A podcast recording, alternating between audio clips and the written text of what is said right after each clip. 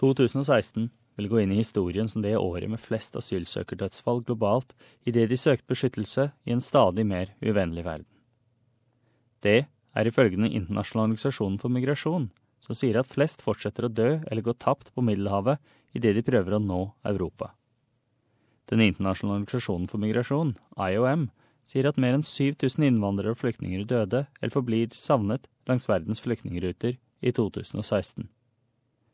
Det står at det er det høyeste årlige antallet registrerte FN-organet, og betydelig overskrider tallene for både 2014 og 2015. Som i tidligere år sier IOM at over halvparten forsvant i Middelhavet mens de prøvde å nå Europa. Men dataene har også med seg statistikk fra nordlige og sørlige Afrika, Mellom-Amerika og grenseregionen mellom USA og Mexico. Organisasjonens sjef, Leonard Doyle, sier at det jobbes i Libya og andre hotspots for å bidra til å bringe disse tallene ned. In Brussels, you have an agreement between the European Union and IOM for a migrant protection reintegration initiative on the central Mediterranean route, migration route into Africa. So this essentially is a major engagement by the European Union on helping reduce the flows of migrants who are ending up tragically drowning in many cases, and in many cases being returned after making you know, horrific journeys, frankly, often ending up in a kind of Libyan gulag, getting extorted for money, tortured, and in some cases killed. De er bare noen av de mer enn 65 millioner menneskene på flukt over hele verden, drevet fra sine hjem, og i henhold til IOM av væpnet konflikt, klimaendring og økonomisk motgang. Deres enestående behov tvang FN til å lansere sin største humanitære appell for neste år. Europa så et mindre antall nye migranter, 300 000, som er ned fra over en million i 2015.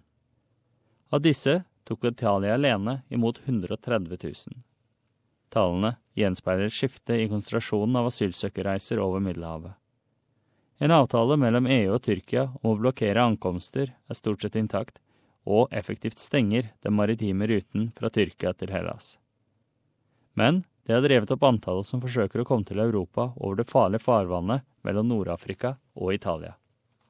Rapporter om skader, drukningsulykker og forsvinninger har kommet nesten daglig.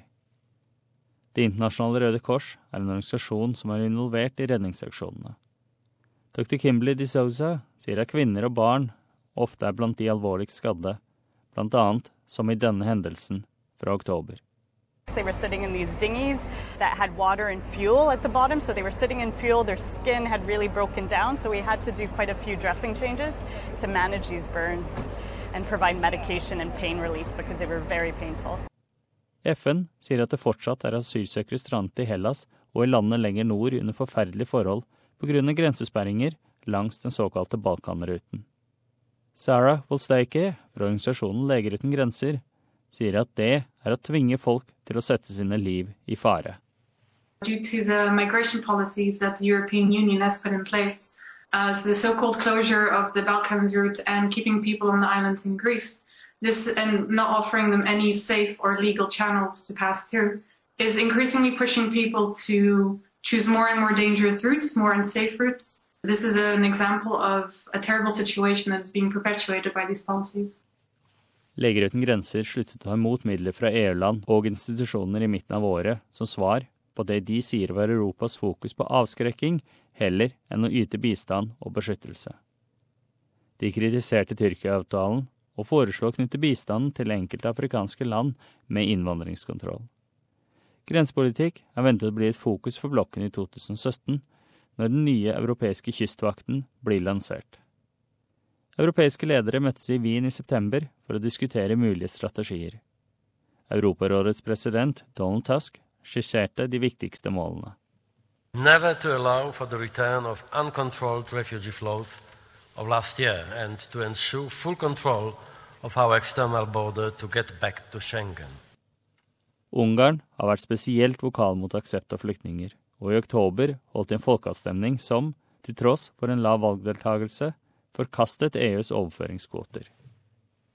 Den ungarske utenriksminister Peter Siato sa dette til FNs generalforsamling.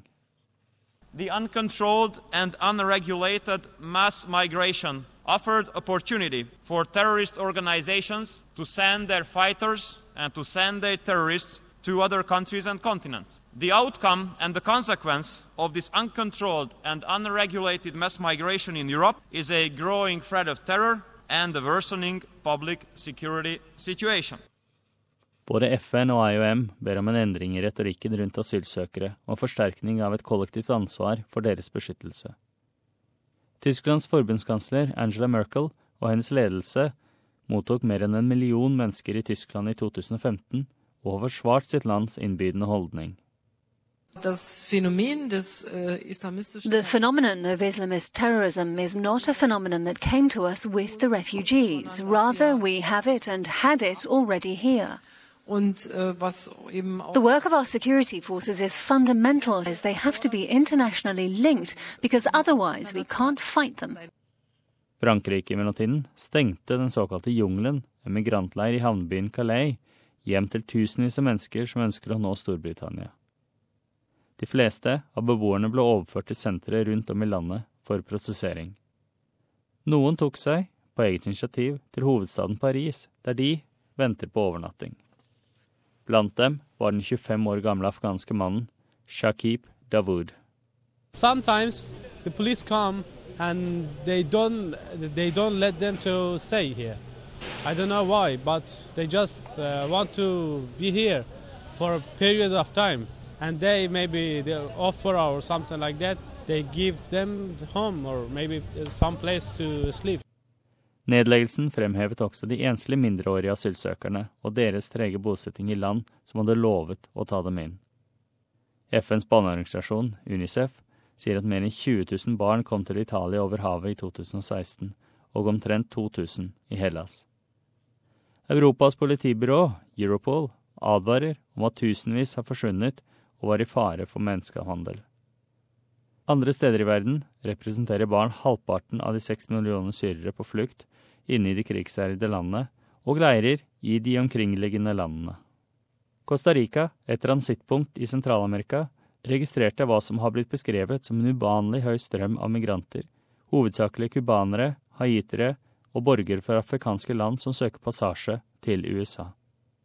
I konfliktfylte Jemen sier IOM at de har hjulpet tusenvis av mennesker fra det afrikanske kontinentet som prøver å nå den persiske gulf. FN og land i Sørøst-Asia snur oppmerksomheten til minoriteten rohingya-muslimer i Myanmar, hvor tusener har blitt fordrevet fra nordlige Rakhine etter aksjoner fra regjeringen.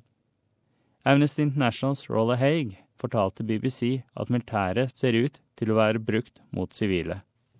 We've seen them target the Rohingya community on the basis of their identity, basically because they're Rohingya. And we've documented how they've randomly fired on and killed civilians as they've come into villages, raped women and girls, torched whole villages, and have arbitrarily arrested waves of Rohingya men without any information about where they are or what they're charged with.